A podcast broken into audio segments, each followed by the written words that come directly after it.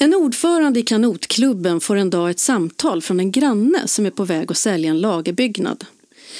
Det här visar sig vara just den lagerlokal som kanotklubben länge varit intresserad av att förvärva. För att kunna nyttja som föreningslokal, ungdomsverksamhet, loppisar och inte minst som kanotförvaring.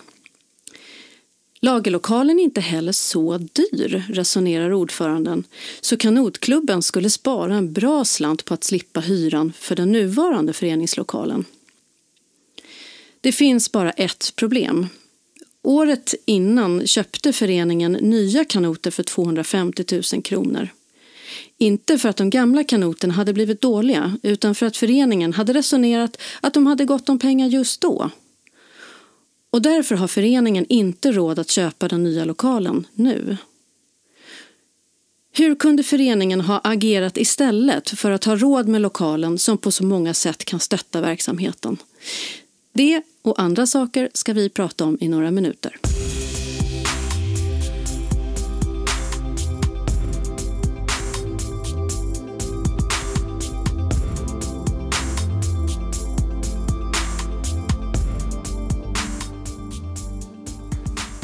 Hur kan organisationer se till att ha råd med det man vill ha och behöver när man vill ha det? Jag heter Anna Kollert och arbetar som ekonomiansvarig på Idea. Och jag sitter här tillsammans med Patrik Sedemar som är kundansvarig på organisationskunder i Swedbank. Så Patrik, hur kan man göra för att se till att pengarna räcker och kan stötta verksamheten? Det där du sa rasist eh, tycker jag egentligen är en kärna i hela som man, man ska se på ekonomin. Alltså pengarna i en, i en förening ska ju stötta verksamheten. Det är många av oss som, som engagerar oss i ideella föreningar som, som kanske har perspektiv från näringslivet med oss in i, i tankegångarna när, när vi, vi pratar ekonomi i en förening och man pratar om årsredovisningar och annat. Men det finns en väldigt viktig skillnad. I ett affärsdrivande företag så är det ju verksamheten som är medlet och pengarna som är målet. Men i en ideell verksamhet är det ju tvärtom. Verksamheten är målet och pengarna är medlet. Eh, hur det liksom går ett enstaka år har ju egentligen inte så stor betydelse om man bara har resurser att, att eh, planera och en buffert att ta av. Och, och det, det, optimala är ju att hitta en, en, en, balans där man har en långsiktig planering som gör att man då kan göra, sätta in stöten så att säga, för, där det ger bäst effekt. I en idrottsverksamhet så kanske man ska göra en elitsatsning just det året och, och då ska pengarna finnas just då. Eller det kanske kan vara något eh, stort evenemang som ska göras och då, då ska pengarna finnas just då. Annars så, försvåras ju gärna möjligheterna om man inte har den här långsiktiga planeringen och en, och en buffert som gör att man, man kan ta så säga, stötar eller ekonomiska smällar ett visst år. Det, det försvårar ju möjligheten att, att bedriva en effektiv verksamhet och, och nå sina mål. Så, så, planering tycker jag är väldigt viktigt. Att, att man, man eh, planera långsiktigt och inte, inte, inte eh, det blir ju lätt att man saknar pengar när man behöver dem och ibland kan det vara så att man när man har pengar så, så, så kan det vara lätt att vara lite väl spendersam då som den här kanotklubben som, som var exemplet. Mm. Men finns det någon särskild tidpunkt under verksamhetsåret när man eh, bättre tittar på långsiktigheten inom ekonomin?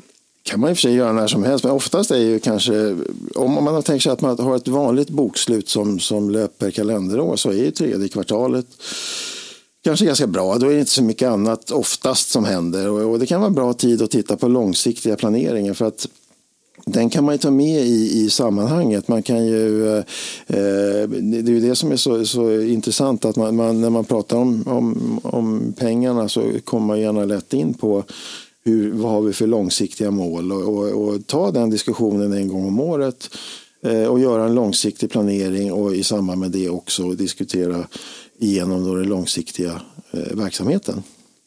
Så eh, om man då ska titta på både så att säga, verksamhetsåret, det kommande och långsiktigheten, finns det någonting som organisationen ska tänka på rent praktiskt? Ja, lägga in en rutin och ha en, en, en långsiktig ekonomisk plan tycker jag är bra. Mm och, och, göra den varje år. Det behöver inte så att säga vara vid exakt samma tidpunkt eller så, men, men det kan vara ganska bra att man har den rutinen och att man i samband med det också tänker igenom den långsiktiga verksamheten. Kan man ha andra fördelar av att diskutera den långsiktiga ekonomin? Mer än att bara styra upp sina pengar så att mm. säga? Ja, lite det som, som jag var inne på, att, att med pengar och verksamheter hör ihop. Då.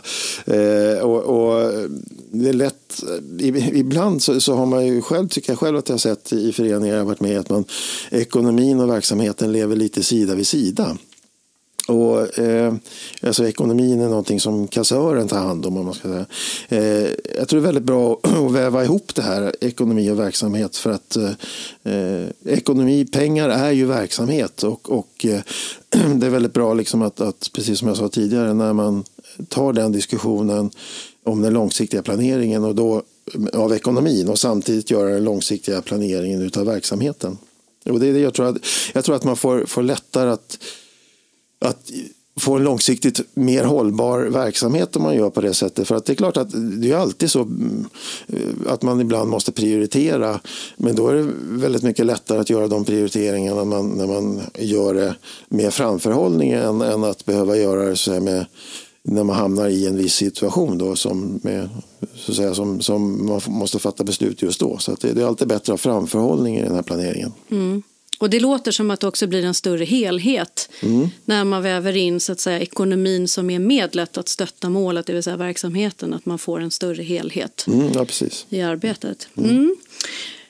Men om vi då eh, tänker på vår ordförande i kanotföreningen här i exemplet som vi hade inledningsvis. Eh, skulle du ge dem rådet att förvärva den här lagerlokalen trots att de inte har pengar för ändamålet? För långsiktigt så kanske det är en bra investering. Det låter ju så.